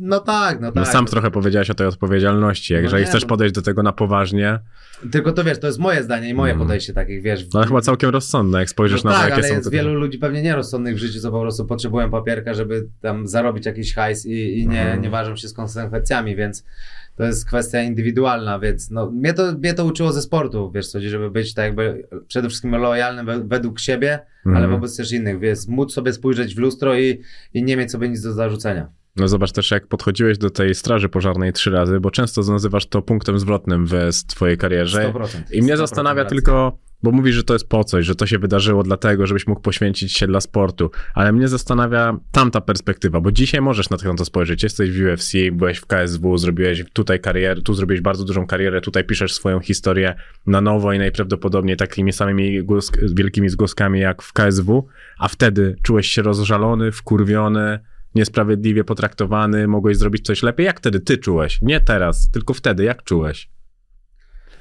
Ale mówimy o tej straży pożarnej? Mhm. E, znaczy to właśnie było tak, że właśnie wcześniej ten Grzesiu wspomniany brat Mhm. mojej siostry, to on mnie cisnął do tej straży pożarnej, bo on był strażakiem i on też chciał dobrze dla mnie, bo wiedział, że jest to dobra praca i dla sportowców, ale też taka, wiesz, że dużo się dzieje i też dobry jest dochód, wiesz, że jak jesteś na wyższym No. stanowisku, więc on mnie mocno w to cisnął. Mm, Wiesz co, nie wiem, czy nie byłem jeszcze zbyt młody emocjonalnie, żeby jakoś podchodzić do tego realistycznie, życiowo, po prostu Mhm. frustrując się, wiesz, ja, bo ja trenowałem wtedy ca cały czas, a, a to miało być moją drugą taką odskocznią, co będzie mi przynosiło dochód po prostu i, i bezpieczeństwo w życiu. E, jakoś nie rozgraniczałem tego, że, że się nie dostałem, była Mhm. frustracja. Po prostu bardziej byłem, wiesz co, bardziej byłem sfrustrowany tym, gdzie ja naprawdę się przygotowywałem. Wiesz, Mhm. gdzie jak byłem, nie wiem, trzy miesiące do, bo były testy z, e, fizyczne, czyli bieg, podciąganie na drążku się, e, pływanie chyba jeszcze Mhm. i coś tam kiedyś było i, i fizyka i chemia, testy z fizyki i No ja co. I to, że nigdy nie byłem orłem w szkole, to tak do tych testów stary zawsze korepetycje, zawsze uczenie się, zawsze wykunie, wykucie wszystkich testów z poprzednich lat tych odpowiedzi, żeby być jak najbardziej gotowym do tego. I bardziej to mnie bolało, że ja robiłem przygotowania jak do walki, dawałem wszystko z siebie, a to nie wychodziło. Wiesz, to mi nie przynosiło efektów, którego ja wkładałem w to. Więc to mnie tak jakby zastanawiało, Mhm. dlaczego tak jest i, i poniekąd trochę bolało, bo zawsze parę tych punktów tam, wiesz, bo to też nie było, bo trochę punktów tam brakowało, do, żeby się dostać tam, wiesz, dostawała się 20 osób, a ja byłem 22, 23, Okej. że tam minimalnie. Wiadomo, też zawsze polityka tam grała, wiesz, wyższe, No, wyższe sfery, ale to tam ten, ale po trzecim razie mówię, koniec, mówię, to jest ten punkt zwrotny w życiu, gdzie los mi pokazał sport, 100% sport i od tamtej pory 100% uwagi, zaangażowania e, tylko w jednym, w jednym kierunku Mhm. i uważam, że to było najlepsze, co mogłem zrobić w życiu i teraz jak każdy mnie pyta, wiesz, e, nie wiem, czy jaki jest sukces na odniesienie sportu, czy, czy odniesienie życiowego, Mhm. czy cokolwiek, wiadomo, jest szereg różnych wartości i cech, które trzeba przypo, przyporządkować, ale przede wszystkim jest wkładanie 100% uwagi w, jednym, w jedną stronę, wiesz jeżeli chcesz być dobrym mechanikiem, Mhm. to wkładaj 100% w, w warsztat, mechanistwo, a nie rób to z 15% na inne rzeczy, 13% na inne i jeszcze coś na coś innego. Wiesz co, uważam, Mhm. że recepta na osiągnięcie danego sukcesu to jest wkładanie 100% w jedną drogę tylko. I takie prawdziwe 100%. Ja, tak jak ci mówiłem przed rozmową, trochę przykładałem do tej twojej historii historię Mameda, bo chciałem zobaczyć, jak one mniej więcej się razem zazębiają i... Mm, a jak wtedy zarabiałeś kasę? Jak wtedy mieszkałeś? W Poznaniu? Mhm. Na początku? No jak już trzeci raz nie zdałeś tego i postawi, postawiłeś wszystko na sport. No, znaczy to prosta sprawa, no mama mi dawała pieniążki, zawsze mi Mhm. tam wysyłała. To raz, trochę kombinatoryki na mieście, za mało lata jakieś pierwsze tam, wiesz, nie? Taniej kupię, drożej sprzedam. Mhm. E, no i pożyczanie hajsu, wiesz co, Jim? pożyczanie hajsu. To było coś takiego, wiesz, wtedy jak trafiłem, trafiłem właśnie na tą, e, na mojego pierwszego trenera w, w Poznaniu, który właśnie też mi mówił, że zakazał mi pójście na bramki, ale on był bardzo mocno e, tak jakby postawiony życiowo, miał bardzo dużo pieniędzy i tak jakby miałem od kogo pożyczać te Mhm. pieniążki, więc miałem, miałem kolegów, którzy mi pożyczali, ale którzy nie byli chętni, ale też, wiesz, była mama, która mi tam co nieco wysyłała, ale był ten trener, który zawsze mi coś pożyczył i, i ja byłem w, po jakimś stanie, po jakim czasie oddać te pieniążki Mhm. po prostu i i no i tak bujałem się, wiesz co, w, w tamtym momencie wydawało mi się, że jak będę miał 2000 zł miesięcznie, to będę turbo kozakiem i na wszystko będzie mnie stać. Wiesz co, bo taki był standard życia, Mhm. wiesz, ja nie potrzebowałem wiele. Jeździłem rowerem po Poznaniu, jadłem w barach mlecznych i chodziłem na treningi, wiesz co, byłem sam, to ja nie potrzebowałem jakichś tam pieniążków wielkich, żeby się, się utrzymać, bo wiesz, wtedy pokój w Poznaniu kosztował 500 zł miesięcznie, Mhm. mhm. wynajęcie pokoju, więc to te koszty naprawdę nie były jakieś duże, więc potrafiłem się utrzymać. No po dwóch latach bycia w Poznaniu już podpisałem kontrakt z KSW, wiesz co, więc jak Mhm. podpisałem ten kontrakt z KSW, no to wtedy zaczęły się pojawiać już, już coraz to większe pieniążki. Taki- Zaczęli sponsorzy przychodzić, Mhm. wiesz, i to już zaczęło się coraz lepiej robić. A to, to Agaty wtedy jeszcze nie było w Poznaniu razem z tobą? Nie. To kiedy ona do ciebie tam dotarła? Yy, no ja... ja A, no pierwszy kontrakt, tak. No, no, ja trafiłem do Poznania w 2011 roku we wrześniu, przyszedłem. E, W 13 we wrześniu zawalczyłem, zanim się spot- spotykałem z nią, to rok, no to ona w 14 roku była, w 14-15. Okej. Coś takiego, wiesz, ja jestem cienki z datami. No nie, nie, no spokojnie, ale no, ale to nikt się, cię nie ta- będzie rozliczał. Nie, nie, wydaje mi się, że tak, 14-15 rok, kiedy, bo wiesz, bo zanim my się poznaliśmy, no to żeśmy się bujali, wiesz, jak to chwilę na odległość, trzeba było, Mhm. wiesz, do, podocierać się, zobaczyć, czy to jest to, wiesz, a zamieszkać to już w ogóle, wiesz, była prze, był przeskok, więc zanim to nastąpiło, to trochę minęło czasu, więc do tego momentu już potrafiłem trochę odłożyć, wiesz, nie? Znaczy Mhm. odłożyć, zarobić, mieć coś, wiesz. Znaczy nie mówię, bo to, wiesz, por... w porównaniu tamte zarobki do teraz, jak miałbym to zarabiać, to, to by było nic, wiesz co Mhm. chodzi, ale na tamte czasy to naprawdę już było tak, że mogłem sobie, wiesz, przebujać się. No trochę. mogłeś żyć po prostu. Mogłem lepiej żyć, wiesz co chodzi, no. Nie musiałeś, się, nie musiałeś się stresować. I tak naprawdę chyba to był taki moment, w którym zaczął się ten gamer, którego dzisiaj znają wszyscy, co? No od czasów KSW, no od tego to się zaczęło, wiesz, no tam, wiesz, no potężna scena MMA, potężna promocja przede wszystkim, wiesz, e, potężne gale. E, ja byłem w bardzo dobrym klubie wtedy w Poznaniu, który też było coraz głośniej. Ja przede wszystkim też wygrywałem te walki, bujałem się z Borysem, co był turbogwiazdą, wiesz, więc te wszystkie, te czynniki też mnie ciągnęły do góry po prostu, wiesz. Ja też, też dużo rywalizowałem, bo to, że biłem się w KSW to raz, ale też jeździłem na, na zawody Mhm. jiu-jitsu, jeździłem na zapasy, jeździłem na obozy, wiesz. Pojawiałem się w wielu miejscach różnych i, i ten swój tak jakby poziom, kunszt sportowy nie tylko pokazywałem na, na walkach, ale też w innych takich mniejszych miejscach. No ty mi się bardzo podobała ta historia, już nie pamiętam niestety jak ten człowiek się nazywał, ale to było w Stanach, gdzie do ciebie nie odpisywał i stwierdziłeś, że ty tam polecisz.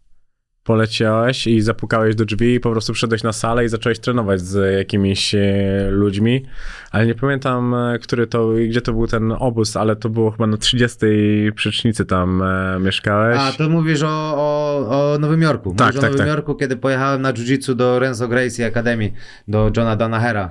E, tak, tak, tak. No, niesamowita postać, potężna w, w, w jiu-jitsu. E, I to był okres przygotowawczy, kiedy ja startowałem, przygotowywałem się do Mistrzostw Europy w ADCC, bo to jest Mhm. turniej taki, który gość numer jeden tylko zostaje bilet, żeby zakwalifikować się na Mistrzostwa Świata, gdzie spotyka się 16 najlepszych. Więc zdawałem sobie sprawę z tego, jaki jest poziom na, na, na tych zawodach, więc chciałem się dobrze przygotować. Ja, jak to ja, Mhm. jako wyzwanie, mówię, zrobię to najlepiej jak mogę. Więc właśnie wysłałem wiadomość do tego Johna Danahera, on nie odpisał, mówię, dobra, Agatko, kupujemy bilet i lecę, wiesz co, i, i poleciałem do Nowego Jorku bez angielskiego, bez hajsu, bez niczego i, i wiesz, i, i, i świetnie się odnalazłem tam, naprawdę Stany naprawdę mnie elektryzują, podobają mi się i polecam każdemu podróżowanie, przebywanie tam i obcowanie z tą mentalnością. No mi się bardzo to podobało w takiej perspektywie właśnie rzucenia sobie wyzwania, że jeżeli mam się do, do czegoś przygotować, to najlepiej jak... e, Z najlepszymi na świecie. Tak, no i nawet to jest to podejście, o którym powiedziałeś wcześniej, że jeżeli jest jakakolwiek recepta na sukces, to tylko i wyłącznie taka, że trzeba po prostu się na czymś skupić i robić to na 100%, albo Tak, nawet czasami na samego więcej. Siebie. No i bardzo tego chcieć, wiesz coś, bo jak ktoś, komuś się wydaje, że nie wiem, przykładowo na sporcie będzie mistrzem świata, a, tak nie czuje tego w środku, Mhm. po prostu go gada zewnętrznie dla publiki, no to wiadomo, że to się nie wydarzy, ale jak będziesz to czuł każdą elementem ciała swojego i, i, i w środku, to, to w końcu się to osiągnie. Dużo osób w twoim życiu w ciebie wątpiło? Eee, może nie wszyscy mówili to, Mhm. ale nie, w sumie było parę takich osób, co mówili, że jestem słaby, że nie podołam, że nie pójdę, a nagle później zmieniali zdanie i mówili, nie, jednak ten gamer to kozak, wiesz, Mhm. więc, więc wielu takich było na pewno, wiesz, wie, tylko to bardziej były takie słowa, które ja słyszałem gdzieś w kuluarach na backstage'u, nigdy nikt mi nie powiedział tego w twarz, wiesz, chodzi, to, Mhm. to też jest nasza taka polska mentalność, że mało kto ma odwagę powiedzieć coś w twarz, tylko woli to powiedzieć za plecami, żebyś to, to usłyszał po prostu od kogoś innego niż od danej osoby, więc, więc było parę takich osób, ale to właśnie to chodzi o to, żeby nie skupiać się na nich, tylko ich jak najmocniej odpulić, a, a, a obcować z tymi, którzy w ciebie wierzą i dodają ci energii, uskrzydlają cię, więc, więc ja chyba też bardziej wszedłem w tą stronę. Słuchałem się tych, którzy Mhm. mnie ciągną, niż tych, którzy mnie dołują. Mnie zastanawiało właśnie, czy miałeś kogoś takiego, komu chciałeś coś udowodnić.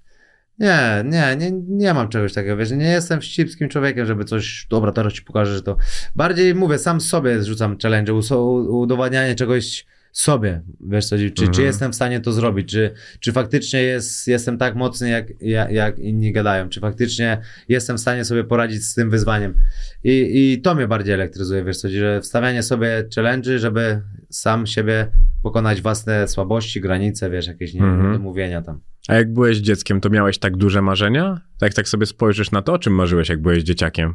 Też marzyłeś o wielkim świecie? Wtedy były Igrzyska Olimpijskie. Wtedy Mhm. ja. No to nadal wielki świat. No, no to wtedy bardziej.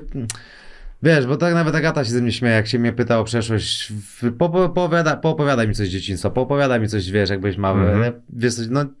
Nie pamiętam za wiele, może jestem monotematyczny, ale generalnie się zsiadłem w ten sport, bawiłem się z chłopakami na podwórku, jeździłem na obozy sportowe i, i od wtedy jak byłem zapaśnikiem, to pamiętam, że miałem gazetki zapaśnicze, miałem trykoty, miałem buciki i miałem zeszyt, w których rysowałem zapaśników po prostu jak walczą. Więc e, wydaje mi się, że, że te igrzyska mnie tak jakby ciągnęły do góry, żeby, żeby tam się na nich pojawić. Twoją maksymum było nie pójście za pieniędzmi, tylko za wynikiem sportowym, ale miałeś gdzieś tam w przeszłości jakieś doświadczenia, że straciłeś trochę kasy i że teraz pochopnie i jej nie, nie inwestujesz, nie rozrzucasz. To jakie to było, jaka to była inwestycja, gdzie straciłeś trochę kasy? Mm, Nie wiem, czy o tym samym mówimy, ale jak pojawił się świat kryptowalut na początku, to Mhm. przyszli dobrzy ludzie i zaproponowali, że kupimy koparki, daj pieniądze i będziemy zarabiać miliony, wiesz co, no to Mhm. wyłożyłem trochę hajsu i, i tak jak szybko się pojawili, tak szybko zniknęli. Naprawdę? Tak, ale później gdzieś to odbierałem jako doświadczenie życiowe, e, właśnie nauki takiej, żeby bez, bezpochopnie wydawać duże pieniądze po prostu, wiesz co chodzi? E, to, chyba, to chyba o tym mowa, bo nigdzie indziej tak jakby nie przetrwoniłem tych pieniędzy, Mhm. żadnych innych w sumie takich, bo mówimy o dużych, bo to było kilkadziesiąt dobrych tysięcy, wiesz co chodzi, więc... Mhm. Więc mocno przestrzeliłem wtedy, mocno mnie to bolało. Ale mówię, później rozmawiając z, mo, z mądrymi ludźmi, to i tak mówili, że jak wezmę to w doświadczenie życiowe i nie dam się już nigdy więcej wykręcić, to i tak nie jest to wielka suma na przestrzeni lat, które mógłbym, mógłbym stracić Mhm. po prostu, więc...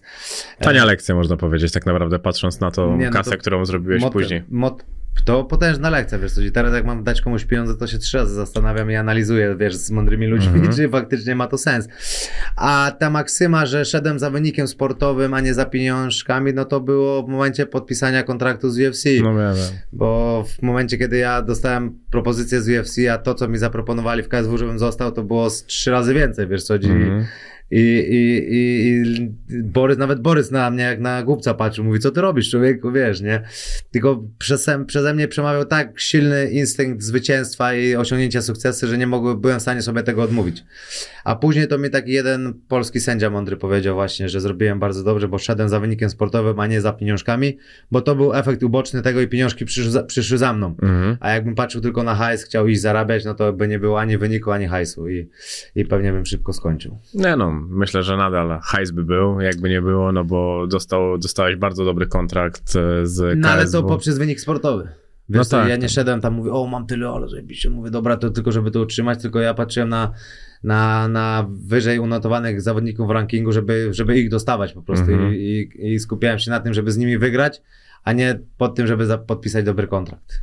Ale to jest taka kasa na poziomie, nie wiem, miliona złotych za walkę? Tak pi razy drzwi, jak dostawałeś tą propozycję przedłużenia kontraktu z KSW, to jaka to była kasa za walkę? Kurde, nie wiem, czy możemy o pieniążkach rozmawiać. Możemy, Kabul się nie obrazi. Ja wiem, że się nikt nie obrazi, ale nie wiem, wiesz, temat pieniążków No ale to i tak nie różnie- przyjąłeś, nie przyjąłeś tej propozycji. Różnie odbierany jest e, przez, e, przez różnych ludzi. No dobra, ale około miliona? Nie, nie, nie. Nie? Pół, pół miliona. Okej, no to... Zaproponowali pół miliona, żebym został tak jakby za walkę po prostu, Mhm. wiesz, za, za pojedyncze walki, więc, więc na tamten moment to i tak było kolosalne pieniążki dla mnie, żeby, No mógł, jasne, że... żebym mógł kurczę zarabiać, wiesz co, UFC dużo, dużo mniej mi wtedy zaproponowało za pierwsze za, za pierwszy kontrakt, więc, Mhm. e, więc dużo mniej to było. Nie no, za pierwszy kontrakt przecież miałem 20 plus 20 w UFC, wiesz co, no Mhm. to jest 40, no to 160 koła. No to tu jak miałem pół miliona, a tu 160 za pierwszą, no to zobacz, to trzy razy mniej w sumie dostałem, nie?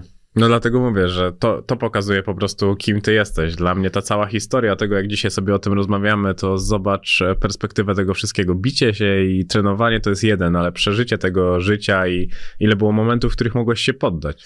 No, no tak, no tak, no ale to wiesz, to tak jakby ten Bartosz z Milnicza od zawsze powtarzał, że nie można się poddać, wiesz, co, Mhm. że tak twardo trzeba stąpać po ziemi, żeby, żeby się nie poddać. Jak się przewrócisz, to się podniesiesz, a jak, jak się będziesz, jak się nie będziesz w stanie podnieść, no to sobie poleżysz Mhm. chwilę i zaraz się podniesiesz, wiesz, nie, żeby mimo wszystko i tak, żeby wyszło na twoje. No bo zobacz, my i tak rozmawiamy powiedzmy o tych jaśniejszych stronach tego całego twojego życia. Było jednak dużo, które nie przedostały się tam gdzieś do tej twojej historii i, i nie są publiczne. Było dużo na pewno momentów e, zwątpienia w to, w to wszystko. A jeszcze właśnie wracając już teraz, to inwestujesz gdzieś kasę, czy kompletnie na razie nie? Eee, wiesz, jak to teraz po tamtych moich przejściach życiowych też staram się słuchać mądrych i dużo bogatszych ludzi Mhm. ode mnie, gdzieś tam zbierać doświadczenie i różnie wszyscy mówią, wiesz, że kupiłem nowe mieszkanie, które Mhm. remontuję w Poznaniu, ale to dla siebie, żeby się przeprowadzić z dwójką dzieci, z psem, żeby było komfortowej. Wiesz, mam trochę złota kupionego, ale to są takie zamrożone pieniążki. Mhm. Ale mądrzy ludzie też mi mówią, że żeby trzymać też te pieniążki, wiesz, żeby się, żeby nie rozdawać na lewo i prawo. Czasy są jakie są, wiesz co dzi, e, e, wojna za zagranicami, też nie wiadomo co się wydarzy. Nie chcę rozstrzelać wszystkich pieniędzy, żeby stracić, a w perspektywie czasu też mam w głowie przeprowadzkę do Stanów Zjednoczonych, Mhm. żeby zabrać całą rodzinę, tam sobie żyć. E, wiesz, nie na stałe, ale na jakiś tam okres czasowy, wiesz, mam 32 lata, jestem w prime, numer 7 w organizacji UFC, wiesz, mam przed sobą 3-4 lata takie na naj, najwyższym poziomie, obrotach, więc też nie wiem, czy nie warto by było się przeprowadzić do Stanów i tam przycisnąć Mhm. to wszystko, jako wiesz, firma amerykańska, żeby być pod ręką. Plus mam dwójkę dzieci, więc jak ich puszczę do szkoły amerykańskiej, to, to angielski i hiszpański to w mgnieniu oka zaraz załapią, więc i nawet wracając po dwóch, trzech latach do Polski, one już będą miały, wiesz, te dwa języki opanowane perfekt. A, a Stany to dolary, a jak dolary to razy cztery, więc bardzo dużo pieniędzy tam jest potrzeba, Mhm. więc też muszę mieć, wiesz, e, zaplecze takie, że jak pojadę i nie będziemy przez pół roku tam nic robić, że będzie mnie stać opłacić mieszkanie, chatę i, i zapewnić jakiś dobry byt rodzinie, więc, więc e, gdzieś tam myślę o jakimś inwestowaniu, ale też staram się, wiesz, nie roz, roz, rozrzucić wszystkiego na boki. No i też się nie stresować tym e, życiem, nie? No bo wydaje mi się, że to też bez sensu byłoby, gdybyś teraz, wiesz, miał po prostu się stresować, że tu zainwestowałeś kasę, miałbyś przeprowadzić się do Stanów i musiałbyś się zastanawiać. No na przykład i komu tu zostawić, tu do pilnowania czy do czegoś, więc mówię, staram się, wiesz, poprzez te doświadczenia życiowe staram się słuchać jakichś różnych ludzi, wiesz, więc zbieram też często opinie, o Zasią Mhm. rozmawiałem też Jędrzejczyk, jej się też pytałem, co ona myśli na ten, wiesz, na ten temat, na tym punkcie, co w jakimś kierunku to, to postawić, więc zbieram informacje, wiesz, co jak zbiorę jakiś tam potężny zbiór, połączę składniki, jak dużo będzie się Mhm. zazębiać, no to może uderzę w tym kierunku. A twój sukces zmienił też życie twojej mamy i twoich dziadków? E, no na pewno ubarwił to życie, wiesz co, jas- mieszkali, mieszkają dalej w mojej miejscowości, Mhm. wiesz, wiedzą sobie spokojne życie, wiesz, e, nagle ja się pojawiłem odnoszący sukcesy, na pewno im to ubarwiło, na pewno gdzieś tam e, dołożyło medialności w tym wszystkim, no bo jak moja najbliższa rodzina, Wiesz, bardzo często, kiedy oni jeździli na, na walki KSW, to byli pokazani w telewizji, byli na, na głównych zdjęciach, na trailerach byli. Mhm. Więc na pewno im to zmieniło w jakiś sposób tam życie, na pewno wydaje mi się, że na troszkę lepiej. Ale jak dokładnie, no to trzeba by ich już zapytać, bo ciężko mi jest mi odpowiedzieć, ale na, bez wątpienia są zadowoleni i dumni z tego, jak to się potoczyło. A kupiłeś im coś takiego, o czym zawsze marzyli, e, jak już zarobiłeś taką pierwszą poważną kasę? Były takie prezenty, które masz w swojej głowie? Yy, no mamie dawałem pienią- pieniążki, wiesz co, jako, jako, jako atrybut taki, żeby ona sobie sama mogła zdecydować, co, co ona potrzebuje, wiesz co, mój dziadek ma tam, nie wiem, 70 lat, czy, Mhm. czy ileś, to co ja mogę mu kupić, skoro on wszystko przeżył w życiu, wiesz co, jeździ autem, jakie ma wymarzone i ma Mhm.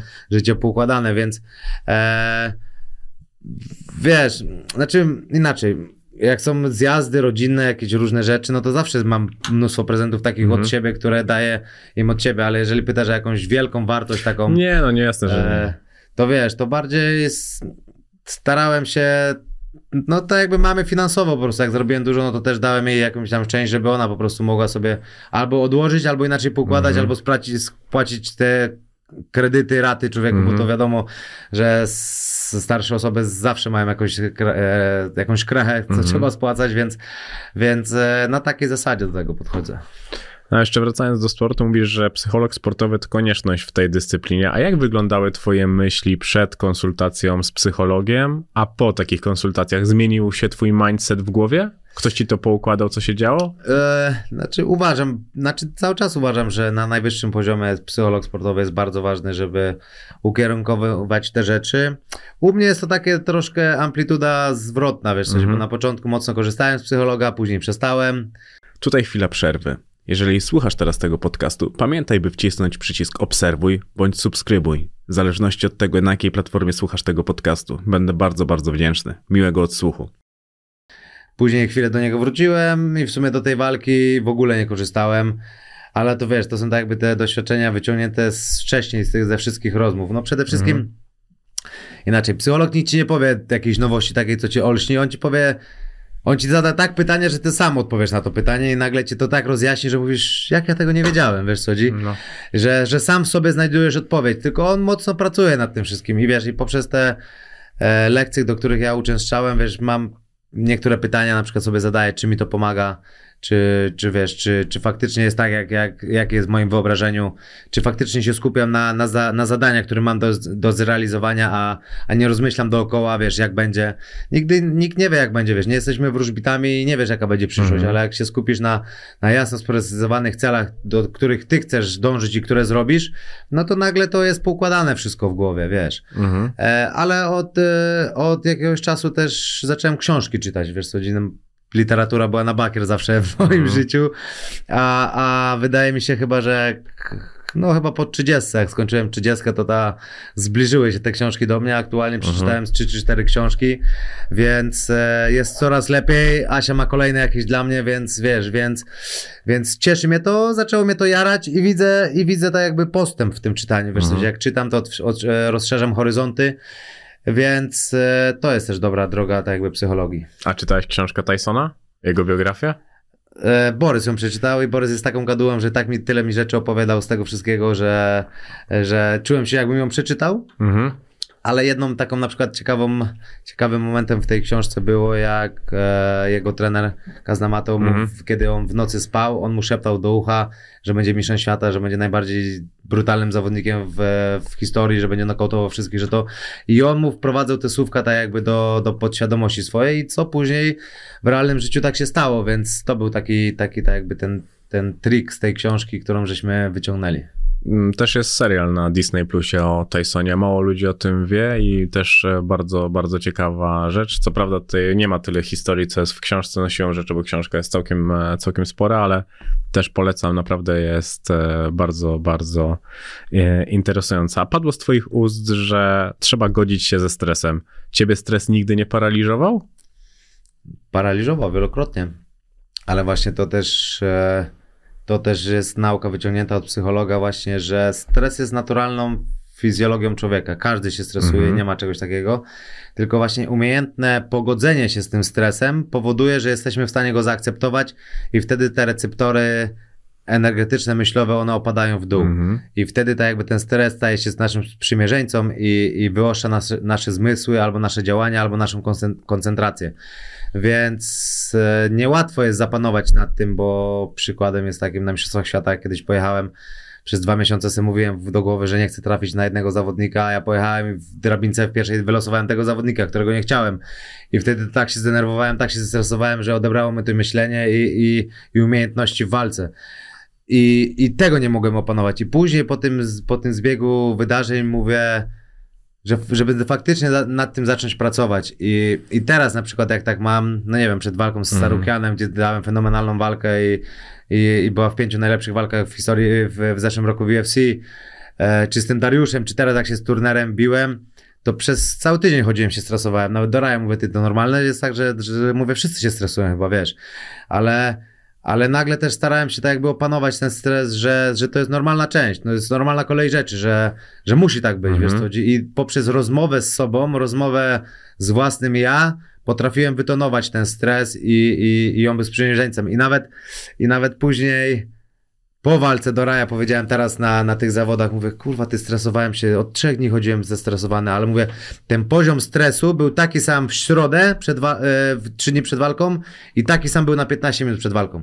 Wiesz co, chodzi, że ja potrafiłem go wytonować tak, że on nie szastał moimi emocjami, że to nie Mhm. było tak, że biegałem, stresowałem się, zmieniałem koszulki, biłem w to, nie miałem racjonalnego myślenia, tylko on był na takim poziomie, że go wyciszyłem w środę na ten poziom, Mhm. czwartek, piątek, sobota on był cały czas zminimalizowany, więc to po, poprzez to miałem racjonalne myślenie i mogłem skupić się na innych rzeczach niż na myśleniu o stresie. No a w jaki sposób go wyciszasz? W jaki sposób go tonujesz do tego, żeby właśnie pozwalał Godzisz na... się z nim, godzisz się, że jest, czekasz aż ustąpi. Najlepszy, no no, może nie najlepszą, ale z jedną z takich metod jest, że ja na przykład zamykam oczy, wydłużam oddech, wciągam powietrze nosem, Mhm. wydmuchuję ustami. Powtarzam to z 3-4 razy w spokojnym tempie. Wtedy twoje bicie serca odchodzi, troszkę stonuje. Mhm. jest mniejsze.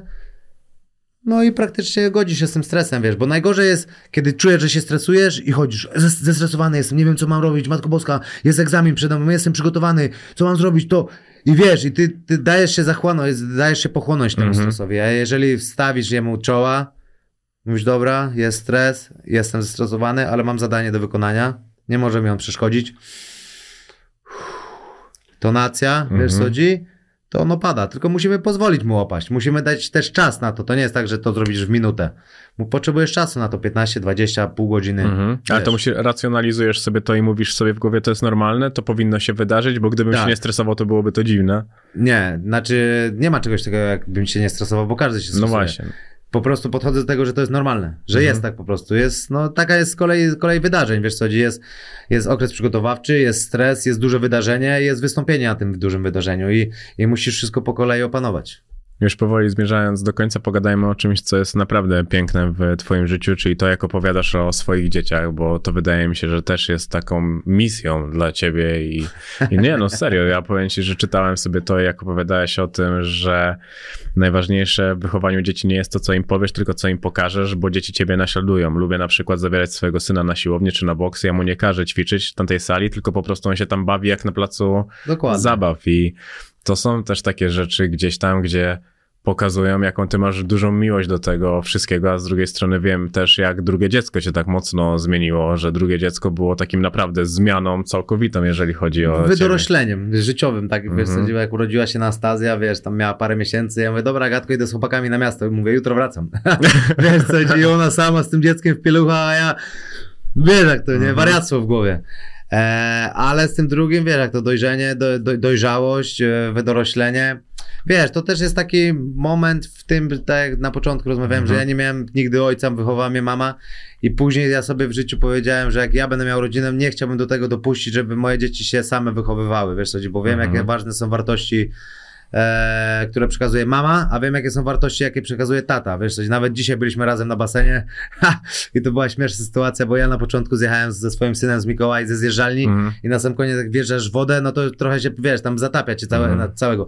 No to ja go przykleiłem do klatki specjalnie, żeby wbić się w tą wodę, żebyśmy się cali zanurzyli, po chwili, żebyśmy wyszli, e, wiesz, na powierzchnię. Mhm. I później że ja zjechałem z córką, a Agata zjeżdżała z Mikołajem, nie dość, że zjeżdżała na siedząco, tak jak dojeżdżała do tej wody, to zatkała mu nos i kazała oczy zamknąć. Zamknąć, wiesz, że taki diametralna, wiesz, różnica, on ze mną typowo nura pod wodę, żeby jak najgorzej przeżyć, a ona spokojne tempo, noc zatkany, żeby tylko, żeby tylko kropla do oczu nie wpadła, nie?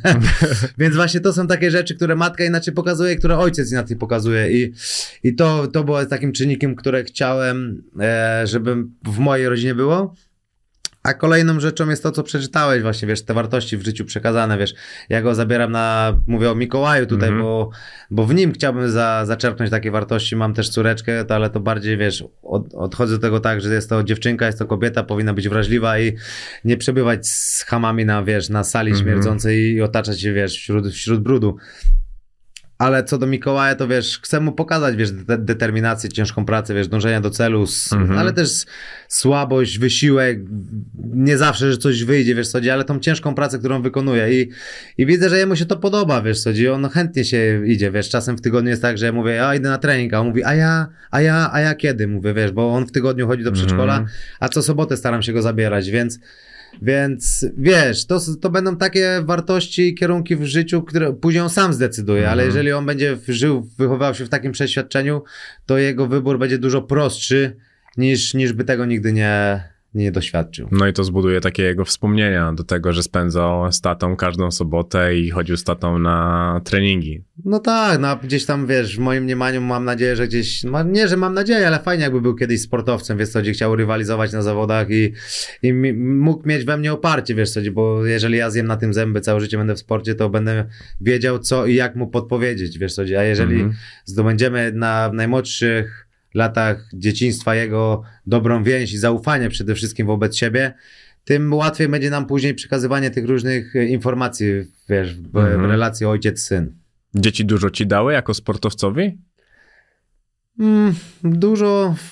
Znaczy teraz jako dodatkową motywację, wiesz co, bo Mhm. wcześniej walczyłem dla siebie, dla, dla kraju, dla wszystkich dookoła, ale tak jakby tym sukcesem nie miałem się z kim dzielić wokół własnych czterech ścian w domu, wiesz Mhm. teraz mam rodzinę, mam dzieci, wiem, że oni na mnie czekają, e, e, i jest to jakaś tam dodatkowa motywacja, wiesz co, no fajnie jest wygrywać, ale fajnie jest też im pokazywać, e, jak, jaka jest prawdziwa droga i jak to wszystko przebiega, więc, więc, więc tak, wiesz, no w moim życiu się nie zmieniło nic. Przed dziećmi trenowałem dwa razy dziennie, kładłem się spać, jeździłem Mhm. na wozy, teraz też to robię.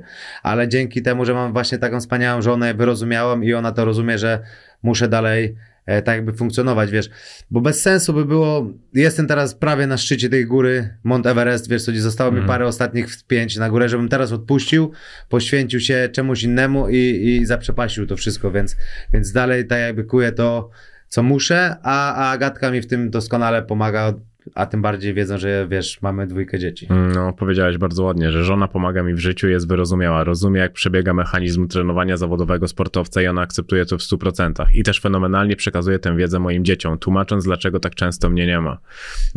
Tak, no bo wiesz co, dzi- często w tym w niektórych momentach musisz być samolubny, ale Mhm. samolubny w, w stosunku do siebie, bo możesz zostać w domu, poświęcić ten czas dla rodziny, ale możesz, musisz wyjść z tego domu i pojechać na, na salę po południu i zrobić kolejny ciężki trening. Wiesz nie możesz powiedzieć im, że słuchajcie, pójdziemy se tu i tu, a, a, a możesz wyjechać do Stanów Zjednoczonych na trzy tygodnie i, i tak jakby zainwestować dalej w ten ciężki swój rozwój, wiesz co, mówię samolubnym Mhm. w tym kontekście, żeby patrzeć pod siebie, jak najlepiej się rozwijać. Nie zaprzepaszczać danych sytuacji, że dobra, nie pójdę spać za. Nie pójdę spać, moja, moja regeneracja nie będzie tak dobra, dobra, jakoś sobie poradzę, Mhm. tylko idzie, idę samolubnie się położyć do pokoju, żeby się odespać, żeby wieczorem zrobić jeszcze cięższy trening, bo wiem, że w późniejszym czasie przełoży się to na wynik sportowy, co w późniejszym czasie zapewni tak jakby lepszy byt mojej rodzinie. A rola właśnie Agatki jest tym taka, żeby wytłumaczyć tym dzieciom, że, że tatuś to nie robi dla siebie, tylko robi z miłości to dla nas. Mhm. Paweł Fajdek u mnie o tym bardzo ładnie opowiadał i też tłumaczył to, że często jego żona na przykład chciałabyś pójść do kina, on jej musiał na początku tłumaczyć, że wiesz, ja muszę się, ja muszę się wyspać, bo później muszę zrobić trening, ten trening muszę zrobić na odpowiedniej wydolności i odpowiedniej sile, a jeżeli tego nie zrobię, okej, pójdę na ten trening, ale ten trening nie będzie tak efektywny i No dokładnie, dokładnie, dokładnie. Eee, no i zobacz, to jest trudno to zaakceptować w tej perspektywie, na samym początku szczególnie, wydaje mi się, że jednak też musieliście z Agatą trochę się poszarpać w takim metaforycznym znaczeniu tego słowa, żeby to wypracować sobie taki model życia. eee, Ogólnie tak, ale ogólnie tak, ale tu, tu tak jakby Bez lekcja- metafory. Tu jest wyciągnięte też doświadczenie z tego Wrocławia i z tej Mhm. nieszczęsnej mojej pierwszej dziewczyny, kiedy ona zaprzestała mi trenować, zakazała No. mi trenować, ja jej posłuchałem. I później sobie tylko kolejna, kolejną rzeczą było w głowie, jak poznam jakąś kolejną dziewczynę, to od samego początku muszę jej wyperswadować, jakie są zasady w tej relacji. W sensie, że idę rano na trening, śpię w ciągu dnia, idę wieczorem na trening. Mhm. I w momencie, kiedy żeśmy się spotykali z Agatem, to ja od samego początku to cisnąłem, żeby tylko nagle po paru latach nie zmieniła zaraz zdania i nie kazała mi, wiesz, coś innego robić, więc ona od początku to, to wiedziała tak jakby na co jest nacisk e, kładziony, tak jakby, nie? Ja pamiętam, była u mnie Ula e, Radwańska i mówiła o tym, że ona nie ma psa, bo ona nie mogłaby sobie pozwolić na to, że pies chciałby wyjść na spacer, a ona akurat teraz e, musi mieć e, drzemkę, żeby odpocząć. E, no tak, ale na przykład ja sobie cenię, że mam psa, bo to mnie jakby mobilizuje do codziennych, rannych spacerów, a poprzez to, wiesz, coś wstajesz rano zaklejony, nie chce się nic, to wiesz, ubierasz się, wychodzisz, przeciągasz się, robisz jakieś rozciąganie, jogging, wiesz co chodzi, przejdziesz się te 15 minut po, po no teraz mroźnym dworze i wiesz, i jest lepiej, ten Mhm. me- metabolizm inaczej się ruszy, wiesz, te, te, te pobudzenie stanu jest zupełnie inne, a to się bierze z, tak jakby z kampów, z, z obozów treningowych. Zawsze na obozie na obozie sportowym jest rozruch, czyli właśnie stajesz taki zakwaszony, taki zamolony, taki zmęczony, idziesz się przejść, przebiec, porozciągać i ten organizm inaczej funkcjonuje. I mając teraz psa, ja sobie to zawdzięczam na przykład, bo to mnie mobilizuje właśnie do codziennych, rannych pobudek, wstawań i, i, i robienia takich rozgrzewek, więc, e, więc e, lubię swoją rancję. Nie jest mo- mocno energetyczna, jest to Akita. Jak jest w domu, to leży i się nie porusza, wiesz co, więc, e, więc nie mam takiego mocno energetycznego psa, żeby musiał codziennie dwie Mhm. godziny spaceru z nim robić, ale, ale codzienny spacer rano sobie naprawdę mocno cenię i często się kłócę z Agatą, że to jest moja godzina, ja wychodzę i nawet niech się nie próbuję, wiesz, tak jakby wcisnąć w to, Mhm. żeby mi pomóc. Dobra, pomogę ci, ja pójdę z tym psem. Mówię, nie Agatko, to jest ten czas dla mnie, kiedy ja lubię to robić po prostu, nie? Akita ciężko jest do ułożenia. Ciężka jest do ułożenia, no. Ma wywalone na wszystko.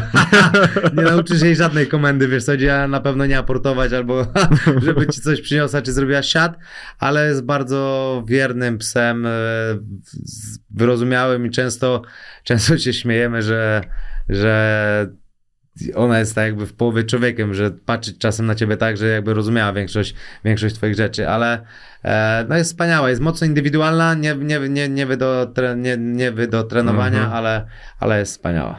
Wiem, że w restauracji wręcz można powiedzieć, że połykasz jedzenie, nie delektujesz się nim, a w życiu potrafisz się delektować życiem? E, no, po walce teraz tak, wiesz co, jak, jak przegrałem z Darkiem, to, to nie potrafiłem, wiesz co, ta złość moja była tak mocna, że, że od razu wróciłem na treningi i nie mogłem sam sobą wytrzymać, wiesz co, i dlatego się zgodziłem na tą kolejną walkę szybko, ale tak jak teraz, to potrafię się cieszyć tym, tak jakby tym sukcesem, ale tym ciężkim czasem, który zrobiłem dotychczas, wiesz co, więc, więc potrafię to, e, potrafię się delektować, wiesz, no też tak jakby nie ma co ukrywać, finanse są w tym Mhm. potrzebne, bo można się delektować spacerem, a, a można sobie pojechać na fajne jakieś wakacje, spędzić fajnie czas, pić kokosa pod palmą i, i ten czas inaczej, inaczej płynie. E, ale tak, ale tak, no gorzej jest z jedzeniem, połykam je w parę sekund. No słysza, słyszałem, że nie, nie da się tego nie zauważyć, e, jeżeli chodzi o to. A czego słuchasz? Co lubisz? Jaką muzykę lubisz? Generalnie nie chcę zabrzmieć, że wszystko, wiesz, Mhm. bo lubię wszelkie gatunki muzyczne, lubię też radia posłuchać, e, ale lubię hip-hop. Generalnie najwięcej słucham hip-hopu i polskiego, i, i rapu amerykańskiego. E, A czego słuchasz z Polski? Może ktoś się poczuje wyróżniony, że Gamer go słucha. Znaczy, no wiesz, jak to z, palu, z palucha lubię słuchać, Mhm. wiesz, coś ze starych czasów było Hemgru, gdzie uwielbiałem Dylona, wiesz, cały Deal Gang słuchać. Mhm. E, e, ale lub, lubię też TPS-a, podziemie, lubię chamskie posłuchać, wiesz co chodzi. Jest Avi ze Szczecina, Mhm. czy, czy Major, wiesz co chodzi. Avi jest z Warszawy. Z, no, czy z, z Warszawy? No, Tak. ale jest Avi, jest Major ze Szczecina, Tak, wiesz. Major No, jest paru takich, e, paru takich raperów, co wiesz, co wcześniej byli mocni, teraz, teraz niektórzy teraz wychodzą. Daddies, Daddies, jakiś tam... Days? No, coś tam możliwe. jest, jest też taki, co tam, wiesz, często to jest tak, że na YouTubie wyskakują jakieś dobre kawałeczki, nagle Mhm. w- klikam i mówię, ty, ale dobry przekaz, wiesz co chodzi, pach, polubione na przykład, wiesz. Więc y, nie usztywniam się w jednym kierunku, Mhm. e, ale słucham wszechstronnie, słucham wszechstronnie, no, A zabijasz czas z serialami? w ogóle. Idę spać wtedy. Drzemka. Składa, kładam na, kładę nacisk na drzemkę, sen, regenerację. 21.30 już zawsze leżę w łóżku, wiesz, od, wiesz co, chodzi, w ciągu dnia też. E, mało, mało, mało oglądam filmów, mało oglądam seriali, ale to wynika, wiesz z czego? To wynika ze zmęczenia ogólnie treningowego, Mhm. kiedy robię rano i wieczorem, bo w ciągu dnia wolę się położyć na drzemkę, żeby się zregenerować na wieczór, a wieczorem jestem tak zmęczony, że często jak odpalamy jakiś film, człowieku 15 minut, a mnie już nie ma na przykład, nie? Wreszcie Więc- spotkałem takiego samego człowieka jak ja. Mało, mało, no. 21.30, bardzo dziękuję Państwu za ten dzień. Tak, tak. Ja, ja sobie cenię, wiesz, kiedyś gdzieś usłyszałem, że najbardziej wartościowy sen jest od 22 do 24 przez te dwie godziny i jakoś tak we mnie to się zakorzeniło, że staram się to trzymać. I, i odpowiada mi to, wiesz, ja bardziej jestem takim człowiekiem, że wolę stać o 6 rano i szybko zacząć Mhm. dzień, funkcjonować, niż zalepić się do 11, czy tylko wstać o 13 i wiesz, nie wiesz o co chodzi, zanim się zaczniesz dzień, to już jest pół, połowa minęła i tak na dobrą sprawę, wiesz, nic, nic nie załatwisz, nie? Wolę się szybciej położyć, wcześniej wstać i, i, i funkcjonować od samego rana. Bardzo Ci dzisiaj dziękuję za spotkanie, Gamer. Bardzo dziękuję. Wydawało, no. No możesz powiedzieć, spokojnie. Nie, nie, nie, nie, bardzo w porządku, bo żeśmy zaczęli oficjalnie od jakiegoś tam momentu, a Agatka zaczęła się od samego wejścia, kiedy przekroczyłem te drzwi, więc spodziewałem się, że to już jest nagrywane od samego początku. Ale naprawdę, ile minęło czasu? Godzina 20. No, a bardzo szybko, sympatycznie minęło, no tak. Bardzo dziękuję.